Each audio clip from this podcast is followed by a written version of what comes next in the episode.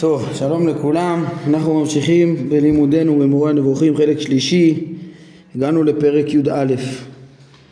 אה, בפרק הקודם אנחנו פתחנו דברים שלא הצלחנו לסיים אותם עד הסוף, בסוף פרק י' היו דברים עמוקים, אה, אבל אני חושב שאנחנו אה, נתאזר בסבלנות, זה דברים שאפשר להבין אותם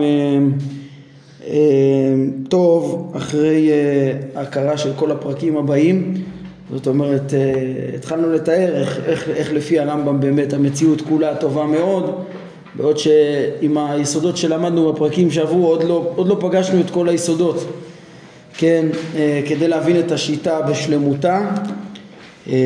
כן, פגשנו את האמירה שההדרים הם, הם נספחים לחומר בהכרח, והחומר חוצץ בפני ההשגה של הנבדל, ושהוא לא, הוא לא, דבר, הוא לא דבר ממשי שאפשר לברוא אותו בצורה ישירה, אז זה הבנו, כן, איך שממילא אה, הבורא המציא את המציאות, את הטוב, ויש את העדרים שנספחים מצד החומר, זה, זה חלק חשוב מה, מההבנה של מקומו של, של הרע בעולם, אבל זה לא מספיק, בעזרת השם בפרקים הבאים אנחנו נלמד עוד יסודות גדולים וחשובים שקשורים לזה, כמו אה, הבנה של אה, אה, מקור הרוע מהבחירה החופשית, שגם זה נובע מדרך חוכמה, כמו שנראה כבר בפרק שלנו קצת, אה, שזה גם נובע מהדרים, אבל האחריות של האדם וכמה, כן, וגם המיעוט של, ה, של הרוע אה, באופן יחסי בכלל המציאות הטובה,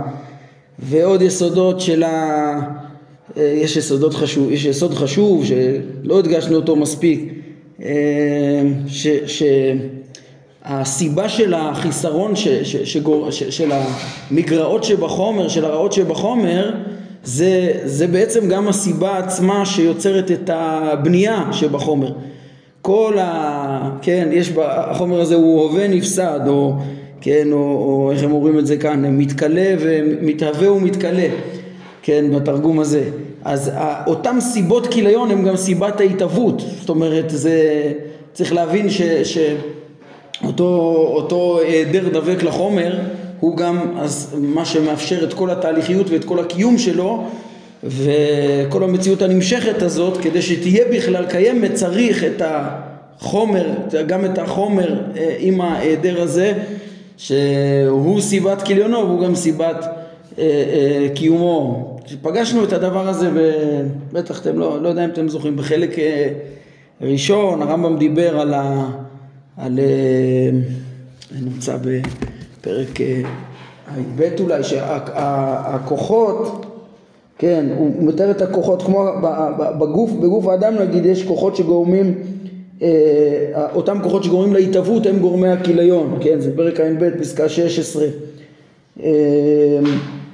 נגיד ארבע כוחות הנמצאים בגופו של כל ניזון, המושך, המחזיק, המעכל והדוחה של מערכת אה, אה, התזונה והעיכול וכולי, אז אה, הם, הם גם אלה שמאפשרים את הקיום, והם גם אלה שמפרקים את כל, ה, את כל המזון, הם כוחות לא שכליים, הם כוחות שהם הם, הם, הם מעכלים גם דברים שלא טובים לאדם וגורמים את כליונו וכולי, אז הרמב"ם אומר שבדיוק ככה הוא מדמה שם את האדם לעולם, אז ככה גם סיבות ההתהוות במציאות הן עצמם סיבות הכיליון בכל עולם ההתהוות והכיליון. זה יסוד שהוא בעצם שייך לפרקים שלנו, שם הרמב"ם אמר אותו בפירוש, שהוא בין הנושאים הגם כן החשובים שמבינים את הצורך בהיעדר הדבק לחומר שהוא גם סיבת הקיום.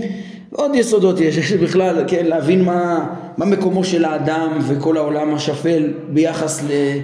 לעולם כולו, שיש אה, זכלים נבדלים ש, שלא נבראו בעבור האדם, או הרמב"ם יעסוק, אנחנו נראה, פרק י"ג, י"ד, בדיון, בהבנת התכלית הכוללת אה, של כל המצאת המציאות, ושזה לא האדם, לא הכל בעבור האדם, אה, לפי הרמב"ם. בקיצור, יש יסודות מאוד מאוד גדולים להבין את זה, עוד העמקה, כן, יש גם בשביל להבין את השיטה של הרמב"ם, כמו שאמרנו, במקום של הרע ולמה המציאות טובה מאוד, למרות שהיא, נמצא, שהיא ככה, נמצאת, נמצאות בהרעות אז יש גם את הדיון שקצת אולי נגענו בו אבל עוד נדון בו בעזרת השם סביב פרק ט"ו זה העניין של הנמנעות שבעצם איך שהבורא יוצר את הכי טוב האפשרי כל מה שאפשרי הוא יצר בצורה הכי, הכי טובה שיש.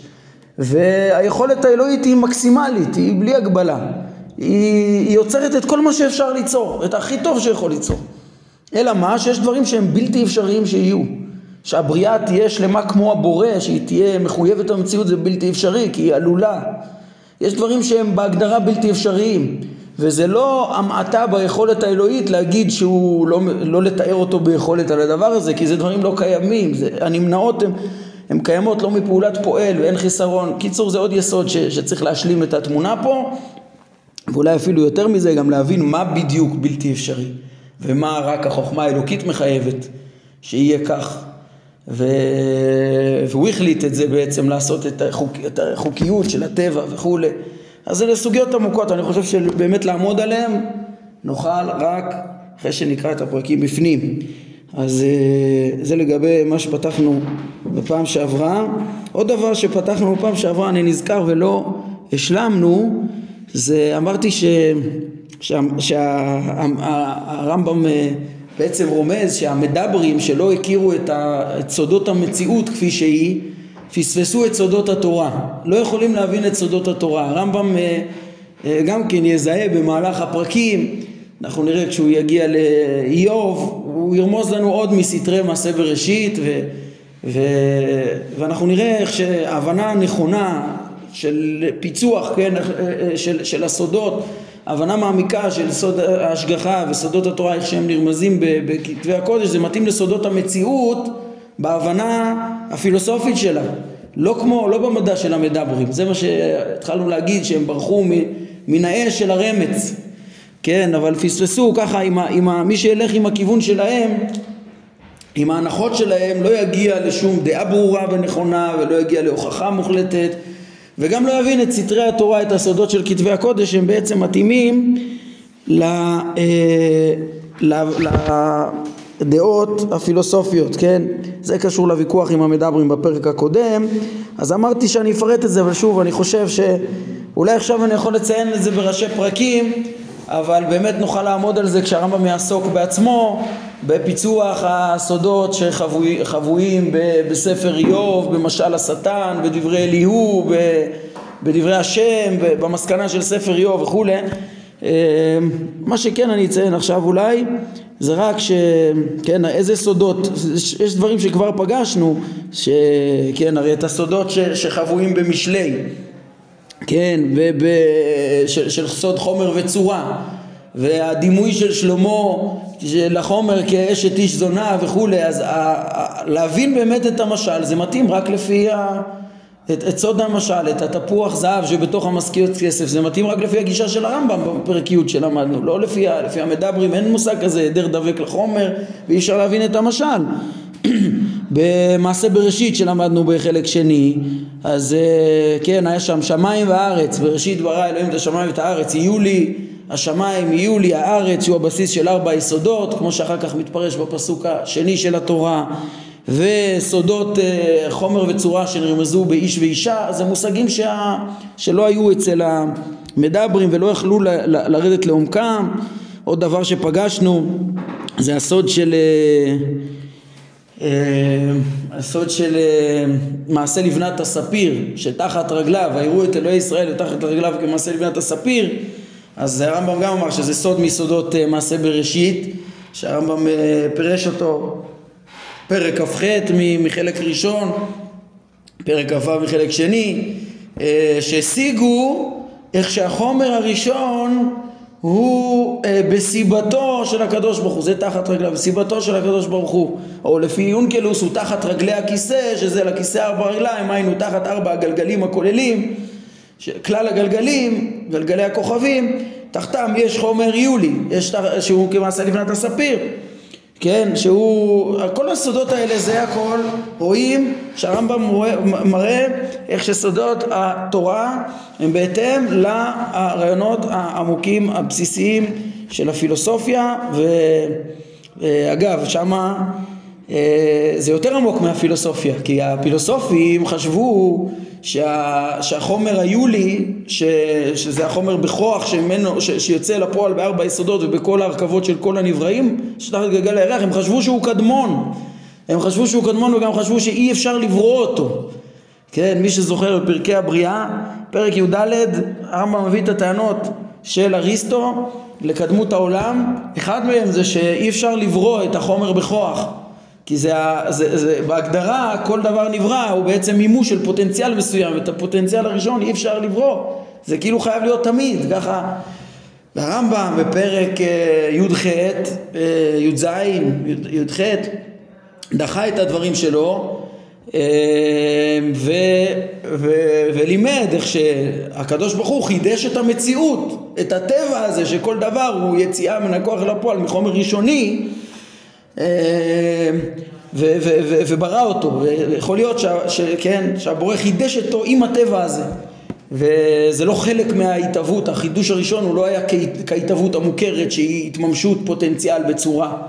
כן, בקיצור זה, זה הבנה מאוד מאוד עמוקה שאצילי בני ישראל השיגו אותה. כי הרי הם השיגו ויראו את אלוהי ישראל ותחת רגליו כמעשה לבנת הספיר. מה שהפילוסופים לא הבינו הם הבינו איך אפשר שה, שהקדוש ברוך הוא אה, ברא את החומר הראשון וזה סוד גדול שהפילוסופים לא עמדו עליו כן אבל אה, כזכור אז אה, הרמב"ם גם בפרק ה' בתחילת המורה גם אה, ביקר את ההשגה שלהם שהתפרצו אה, אל הקודש, יחד עדיין ויאכלו וישתו, כתוב. אז כי היה בהשגה שלהם הגשמה, אז אנחנו פירשנו איזה פירוש חדש, שלא כמו שיש כאלה שמפרשים, נראה לי שככה גם במהדורה שלפנינו פירשו ש... ש... הם, הם תפסו את החומר היולי כדעת אפלטון, שהוא תמיד היה, זה, זה לא נקרא הגשמה, מה זה שהוא אמר שהיה קצת הגשמה בתפיסה שלהם? אז אנחנו פירשנו שלא, הם תפסו את החומר היולי של אריסטו, כן? והנקודה היא, והם גם השיגו שהוא נברא, כן? אלא מה? שהם, אה, מה זה הגשמה? כדי, הסברנו שכדי לייחד ולתפוס את האמונה בצורה הכי עמוקה לא מספיק לתפוס את, היו, את החומר הראשון. צריך לתפוס גם את הזכלים הנבדלים ולהבדיל את, בין הבורא לבינם וזה שיא התואר של האמונה. אה, כן, שיא האמונה השוללת. טוב בקיצור גלשנו קצת אבל זה נקודה שנייה ש, שעוד אה, להבין אותה יותר טוב, איך שההבנות האלו שאנחנו עוסקים בהן הם, הם, הם רמוזות בסודות התורה והנביאים, בסודות מה שנקרא מעשה בראשית, כהמשך למעשה מרכבה, כן? מעשה מרכבה זה להבין את זה בצורה יותר עמוקה ושורשית, כמו שראינו בפרקים הקודמים. אז זה עוד יתברר כשנגיע לאיוב ונשלים את הדברים שם, אבל זה מה שבכל זאת השלמנו עוד קצת פרטים בנושא הזה, ואולי עכשיו נזכר עוד דבר קטן בעניין הזה, ממש קטן, זה שבאחד השיעורים האחרונים אני הזכרתי אה, ששמעתי ממישהו שה... שה... כשיש לנו את החום, את הצורה והחומר וההיעדר, אז, ה... אז, אז ש... שממושלים לאיש ואישה, לזכר ונקבה, אז אה, כמובן הצורה היא הזכר, האיש, והחומר הוא הנקבה, כי זה המהות השכלית שבעצם ממומשת, מגולמת בחומר, אז אה, אמרתי ששמעתי ממישהו שההיעדר, זה הרמב"ם לא אמר, כן? הרמב"ם אומר בפירוש, חומר וצורה זה איש ואישה, זכר ונקבה. והוא לא אמר מהו ההיעדר הדבק לחומר. אז אמרתי בשם מישהו שזה הנחש. אחר כך עיינתי שוב, וזה לא מדויק אני חושב. אני חושב ש... ההיעדר הדבק לחומר זה השטן שאנחנו נראה באיוב. הנחש, הרמב"ם אה, לימד שהצליל שלו מזכיר שהוא החוש, הוא, הנחש זה, זה היצר הרע, זה, זה הכוח המתעורר באדם שמושך, שמושך לתאוות, כן? אה, זה, זה בעצם כוח באדם.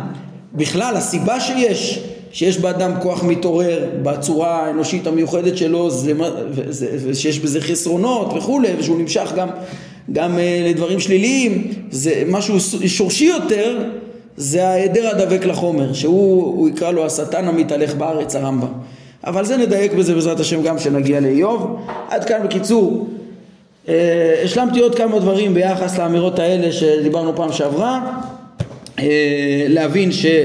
שההבנות האלו בעניין החומר שעוזרות לנו להבין את צדק ההשגחה הכוללת בטבע הם אה, סתרי תורה שנרמזו בפסוקים ולתפוס את כלל התפיסה בעזרת השם עוד, אה, כן, הזכרתי עכשיו עוד קצת יסודות שיתבררו בהמשך אבל רק אחרי שנלמד אותם טוב נצליח בעזרת השם לסכם את שיטת הרמב"ם בהשגחה. טוב, אני רוצה...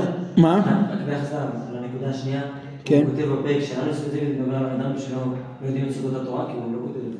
הוא לא אומר את זה כאן, הוא אומר אה, בפרק ע"א בחלק ראשון, הוא אומר שהוא מתחיל לדבר על, על, על הסודות שהיו באומה ועבדו ואז הוא אומר והיו מחכמי אומתנו הגאונים, הוא רומז לרס"ג שרצו לפרש את סודות האמונה על פי העקרונות של המדברים אומר, אה, אומר אה, הרמב"ם אל תחשוב שזה הסוד המקורי חלילה כן זה, זה משהו שהוא לקח מהמדברים וזה לא מתאים ל, ל, ליסודות התורה. ראינו שהוא נלחם בהנחות שלהם ואמר שהם ברחו מן הרמץ אל האש בפרק ע"ו הוא מזכיר את הביטוי הזה שהם, זה לא, זה לא סודות התורה האמיתיים וצריך להבין משהו מתחת פני השטח שמה זה שהרמב"ם, כל, כל אחד מבין שהוא מחפש את ההוכחה המוחלטת, המבוססת, החזקה אבל בתוך הדברים הרמב"ם רוצה להגיד, תדע לך, זה גם סתרי התורה, אני מלמד אותך את תפיסת המציאות כולה.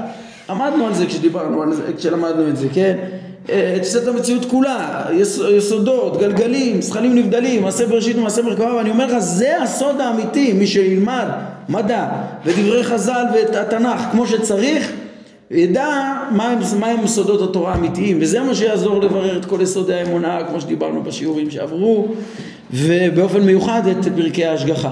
אז משם אני מבין שהדרך של המדברים היא, היא לא מתאימה לסוד. גם בפרקים האלה, מאחורי הדברים, הכל זה פירוש על פי הסוד שבסוף יסביר את ההשגחה על פי הסוד. אז המדברים, אין להם את ה... אין להם, הם, הם הלכו בדרך אחרת שלא מתאימה לפי לסודות שהרמב"ם מלמד, זה רציתי לציין. טוב, אז בואו נספיק היום בעזרת השם פרק אה, אה, י"א הוא מאוד קצר אבל גם הוא חשוב מאוד וצריך להבין אותו ולהעמיק בו. אז ניכנס לפרק י"א אה, שלנו. אומר הרמב"ם אותן רעות גדולות שבני אדם גורמים זה לזה בשל המטרות והתאוות והדעות והאמונות כולן גם כן באות בעקבות היעדר כי כולן נובעות מבורות כלומר מהיעדר חוכמה כמו שהעיוור משום שחסרה לו אה, הראייה נתקל ונחבל תמיד אה, ואף חובל באחרים כי אין לו מי שיורהו את הדרך כך כיתות בני האדם, כל אדם כמידת בורותו עושה לעצמו ולאחרים רעות גדולות הפוגעות בפרטי המין האנושי אה, בפרטי המין האנושי. ואילו הייתה ביניהם חוכמה שיחסה לצורה האנושית הוא כיחס הכוח הרואה לעין היו נמנעים כל נזקיו מעצמו ומאחרים. כי בידיעת האמת מסתלקות האיבה והשנאה ובטלים הנזקים שאנשים גורמים זה לזה. כן, פסקה מאוד מאוד ברורה ומאוד יסודית, היא מוסיפה על מה שלמדנו עד כאן, כן, הרמב"ם לימד אותנו כבר על ההדרים שהם מצד החומר ו... ושכל הרעות ההדרים בפרק שעבר, אה, כן, פרקים ח'-ט' על ההדרים מצד החומר והחציצה שהוא מהווה להשגה, פרק ט' אה, פרק י' שהרעות ההדרים, אומר הרמב"ם כל, כל הרעות, כן, אם, אם אה, עד עכשיו היה מאוד מובן שכל החסרונות שבחומר מצד הטבע, מצד הפיזיקה, זה, זה בעצם היעדרים, כן, כי היעדר דבר זו ההתקלות שלו, אה, שהוא לא קיים, שזה לא מציאות, או חוסר הפרת האיזון שלו, היעדר האיזון. אז, אז הרמב"ם מוסיף לנו, אני מדבר עכשיו גם על הרעות, שבני אדם אה, גורמים בבחירה חופשית. לעצמם או לאחרים, כן? על שלושת אה, סוגי הרעות האלו שמצד החומר עצמו, מצד מה שקורה בטבע עצמו ומה שקורה מבחירה שאחרים אה, עושים לאדם, כן? בני אדם עושים לאחרים או, או אדם עושה לעצמו, שלושת הרעות האלה הרמב"ם יסווג אותם בעזרת השם פרק י"ב, אנחנו נראה אותם וידון בהם בהרחבה, אה, ידבר על ה... על, על ה כן, כמה הם ולמה הם וכולי ולמה אין להאשים את הבורא בהם. אבל פה הרמב"ם מדגיש בהמשך לפרק הקודם שלא רק הסוג הראשון של הרעות, שוב, הם העדרים, החסרונות שבחומר מצד הפיזיקה שלו וכולי, אלא, מצד, אלא גם, גם דברים שבני אדם גורמים ומשחיתים דברים ומקלקלים את הסדר וגורמים לרעות שונות אז אה, גם הם נובעים מחוכמה, הרמב"ם מדמה את זה למסביר, כן, כמו שהעיוור חסרה לו ראייה ואז הוא נתקל ונופל, ככה בני אדם חסר להם חוכמה אז הם גורמים לרעות. אם היה בידיעת האמת מסתלקות האיבה והשנאה ובטלים הנזקים שאנשים גורמים אה, זה לזה. אה, כן, הרמב"ם מביא פה משל שלא הסבר, שנסביר אותו, הוא אומר שהיחס בין החוכמה לצורה האנושית זה כמו כוח הרואה לעין, כמו שעין של עיוור יש לו עין אבל אין לו את היכולת לראות, יש לו, אה, אה, אז, אז, אז, אז זה לא שווה כלום, אין לו מה לעשות עם, ה, עם, ה, עם העין שלו, ככה גם הצורה האנושית היא, היא, היא בעצם חסרה בלי שיהיה לה את, ה, את החוכמה. אה, הרמב"ם אומר בפרק א' בשמונה פרקים שהשכל אה, הוא כצורה לנפש, היא כחומר והשכל לה צורה ועל זה אמר שלמה גם בלא דעת נפש לא טוב כאילו היא הכנה לבטלה כאילו ניתנה לו, לו יכולת לפקוח את עיני השכל שלו והוא לא, והוא לא מוציא את שכלו מן הכוח אל, אל הפועל אז הוא לא אז הוא ממש חסר כאילו הכנה לבטלה. אה, הרמב"ם אומר בקיצור שזה ממש היעדר, אה, אה, אותו היעדר לצורה האנושית הוא בעצם גורם את כל הרעות, שוב כי ברגע שכולם ידעו את האמת, ידעו מה טוב, מה נכון לעשות אז לא, אין, לא, לא, לא יריבו על שום דבר, יפעלו בהתאם לחוכמה. והשנאה תסתלק וכל הנזקים וכולי שאנשים גורמים לזה לזה זה מאוד מזכיר את התיאור של ימות המשיח כמו שהרמב"ם מתאר. אה, איך שתרבה הדעת, והנה הרמב"ם מביא את זה כאן אה, גם כן אה, בהמשך הפרק. אולי נציין גם לפני כן שגם לאריסטו יש תיאורים כאלה שכשתרבה הדעת אז לא יהיה יותר מלחמות בעולם. אני חושב שספר העיקרים מצטט אותו, אני לא זוכר כרגע איפה, אבל הוא מביא ש, שכאילו החזון שהתורה מבטיחה של השפע הגשמי והטוב והיעדר המלחמות שיהיו בזמן ימות המשיח, אריסטו אומר שזה חייב להיות כשתרבה הדעת, כאילו אם, אם, אם אנשים יהיו חכמים, והרמב"ם אומר שהובטח על זה, כן, עם ההבטחות של גאולת ישראל המיוחדות, אז בעצם יש את הדברים הבאים, אה, אומר הרמב"ם כבר הובטח על כך גם, ונאמר, בעצם המסר של הפרק זה מה שרצינו להבין, כן, זה שהרעות הן היעדר חוכמה, וכשתהיה חוכמה לא יהיה, אה, אה, בעצם לא יהיה את הנזקים האלה, גם את האלה, הנזקים הבכיריים שאנשים גורמים לעצמם ושגורמים לאחרים. אמרנו, הפירוט של התיאור של הנזקים האלה והאחריות של בני אדם עליהם זה יהיה בפרק הבא. אבל, אבל ההבנה שזה מהיעדר זה המסר של הפרק שלנו. ואגב, הרמב"ם גם מספר לנו, מדבר פה על ההבטחה שכך יהיה לימות המשיח, שיסתלקו כל הנזקים, ולמה? בגלל שתרבה הדעת, זו נבואה מפורשת בישעיה, לפי איך שהרמב"ם לומד אותה. אז הרמב"ם אומר, אמ, ככה, כבר הובטח על כך ונאמר וגר זאב עם כבש ונמר עם גדי ירבץ כן ועגל וכפיר ומרי יחדיו ונער קטון נוהג בם שהם לא יזיקו, כן, ופרה ודוב תראינה, יחדיו ירבצו ילדיהן, ואריה כבקר יאכל תבן, ושיעשע יונק על חור פתן ועל מאורת צפעוני גמול ידו הדה. גם ליד נחש אה, תינוק יוכל לשים את, את ידו ולא יקיש אותו, כן, ימעטו הנזקים. אז הרמב"ם כידוע, אה, הוא אפילו פה מקצר בזה, זה כל כך פשוט לו, הוא מפרש שאין הכוונה על החיות שישנו את טבעיהם, אלא על האומות ש... וכל הנזקים שבני אדם גורמים אחד לשני, כל המזיקים השונים שמכונים בצפעוני, ב...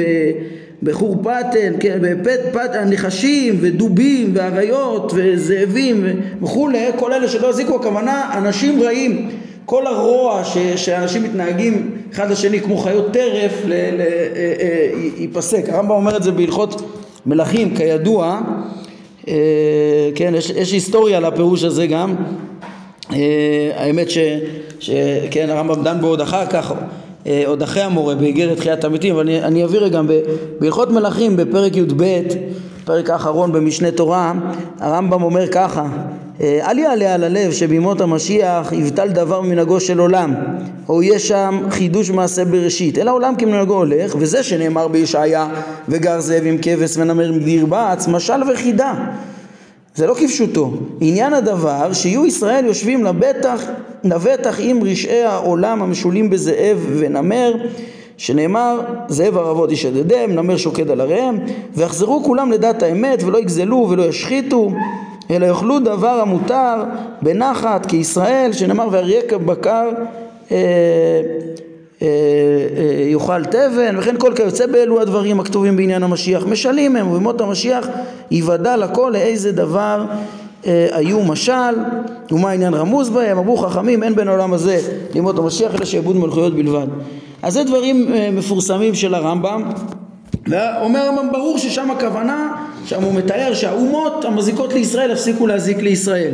כאן הרמב"ם מפרש את זה במובן רחב יותר, הוא אומר בכלל כל ההזיקים שיש בין בני אדם ייפסקו, כן, אה, אני אקרא פה עד סוף הדברים ואני אשלים קצת מה קרה עוד אה, אחר כך ומה הרמב"ם אה, הוסיף ודיבר בזה במאמר תחיית המתים.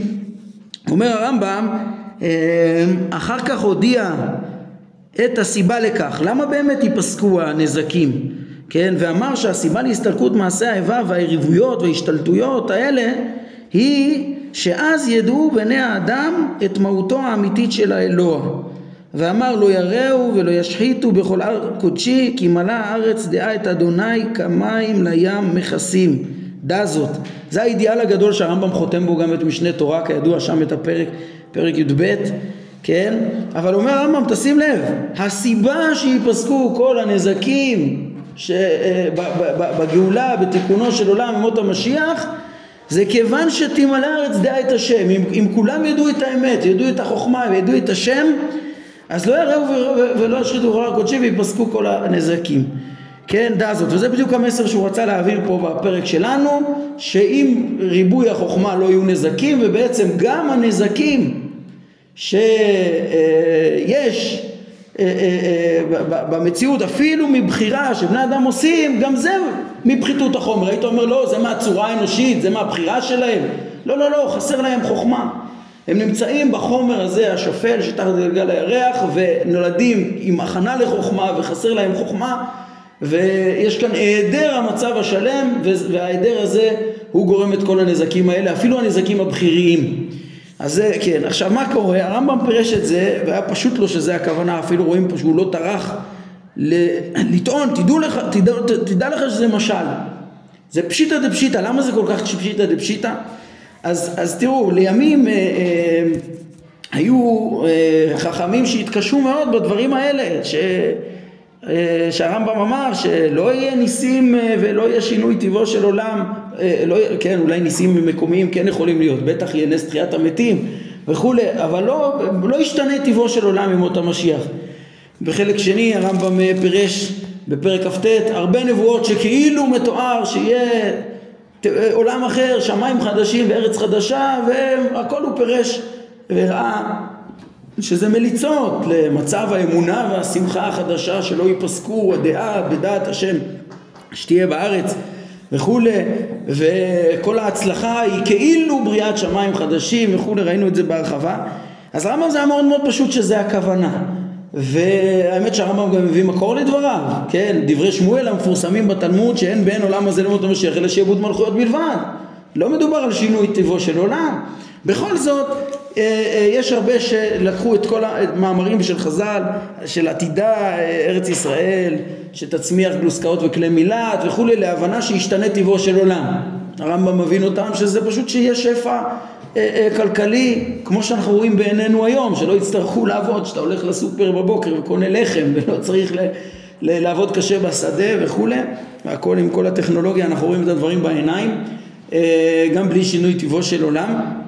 אבל, אבל יש כאלה שהבינו את זה כפשוטם וזה מאוד הפריע להם הדבר הזה ו, והרמב"ם נזקק לבאר את דבריו אז הוא במאמר תחיית המתים אה, מסביר, באיגרת תחיית התלמידים מסביר מאוד יפה אה, אה, לשואלים שהתקשו בין השאר בשאלה הזאת, אה, הוא מסביר להם את העניין. אז הוא אומר להם, תדעו לכם שא', באמת אם מפריע לכם כל כך, אם אתם רוצים להגיד שיהיה ניסים אה, אה, מסוימים אה, אז יכול להיות, הוא אומר זה לא, הרמב"ם לא גוזר, אין לו, הוא לא קיבלתי נבואה אומר הרמב"ם שזה, שזה לא משל וזה, סליחה, שזה לא כפשוטו אלא משל לזה, לא קיבלתי נבואה בדבר הזה, אלא מה? הוא אומר ככה אני מבין מפשט הכתוב, הרי כתוב ש, שהסיבה שייפסק הנזק של החיות זה בגלל שתמלא הארץ דעה את השם, כן? אז אה, מה, מה זה שתמלא הארץ דעה את השם? איך, אם, אם, אם בני האדם ישכילו זה יגרום לחיות לשנות את הטבע שלהם? זה לא הגיוני. אלא אם, אם אומרים לך שתרבה הדעת ייפסקו הנזקים, חייב להיות שהכוונה שיפסקו הנזקים מבני אדם, שכשילמדו אותם וילמדו את השם, יפסיקו להזיק, ידעו את האמת ויתנהגו נכון. זה ברור מפשט הכתוב, אומר הרמב"ם. כן, ואגב, הוא אומר שם, אני לא מבין מה אתם רוצים ממני, אני חידשתי פה פירוש, זה כבר פירשו לפניי הפרשנים. הוא מביא שם את אה, רבי משה אה, ג'קיטילה ואיבן ג'נח אני חושב, הוא מציין שם באיגרת, זה לא החידוש שלו, כן, וזה זה נראה לא ברור מהכתוב, וזה דרך המשלים הנבואים, כן, ככה הרמב"ם אומר שם, ויותר מזה הוא אומר, הוא אומר ונניח שאתם רוצים להתעקש לפשט הכתוב ולהגיד שזה יהיה נס ושישתנה אה, טבעם של בעלי חיים.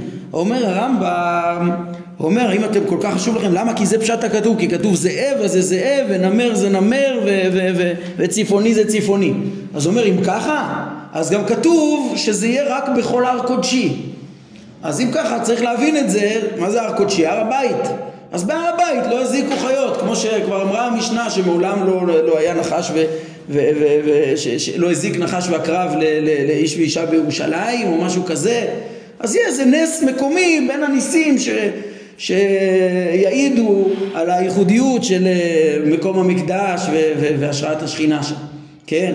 מאיפה אתם הולכים על הפשט? אז תלכו לפשט עד הסוף, או מקסימום מה זה הר קודשי? תפרשו, זה יהיה בארץ ישראל, איזה מין נס מיוחד כזה, להראות את מעלתה ואת ההשגחה עליה, אבל, אבל אה, אומר הרמב"ם שם עוד יסוד חשוב תדעו לכם, אני אסביר לכם גם, אה, אה, חוץ מהפשט, יש כאן הבדל במוטיבציה. וזו נקודה שדיברנו עליה כמה פעמים, אבל אני אזכיר אותה שוב כי היא מאוד מאוד חשובה. הרמב"ם אומר בהקשר הזה גם אה, אה, מה, אה, כן ובזה אני אסיים, שמה המוטיבציה שלו לפרש את, ה, את המקראות האלה, הוא, הוא, פה זה גם חושב שזה פשט וקדמו לו הפרשנים וזה נראה לו הפשט.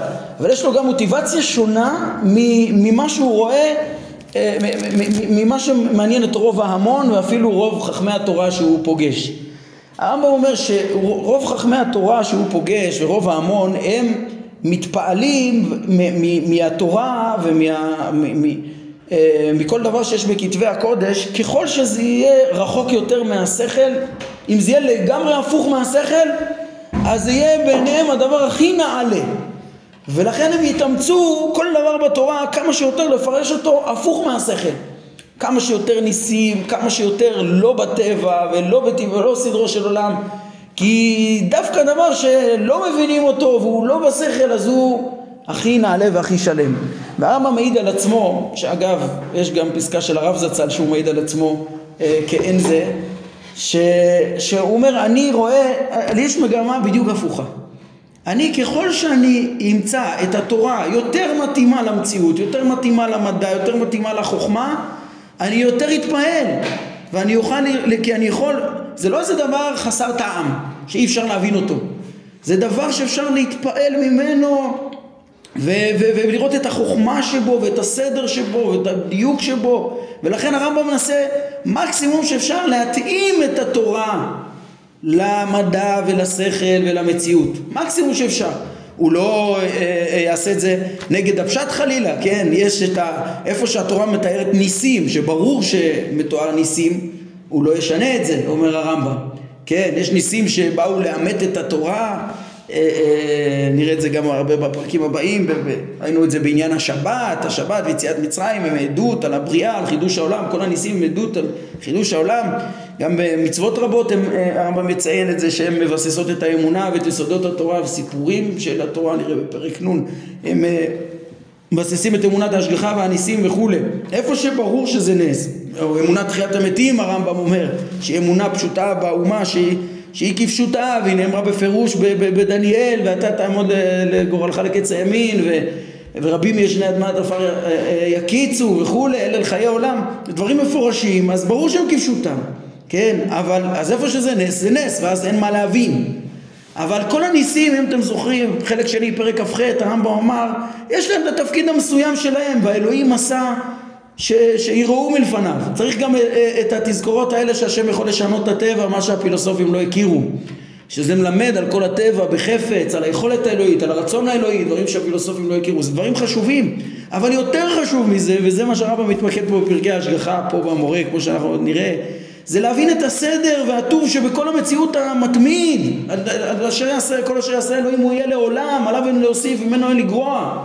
לא את החריגים האלה שנעשו לצורך כזה או אחר, לצורך להביא להם אה, אוכל במדבר, צרכו, כמו שהרמב"ם אומר בפרק ח' מיסודי התורה, הניסים גם אפילו לא באו לאמת את אה, נבואת משה, אלא לפי הצורך עשו, או במקומות מסוימים, כן, הם גם מוסיפים, מלמדים על היכולת האלוהית, כן, לפי צורך מקומי, אבל מה רוב הזמן הקדוש ברוך הוא, איך הקדוש ברוך הוא מנהיג את כל עולמו כולו, לא רק את ישראל, את כל העמים כולם.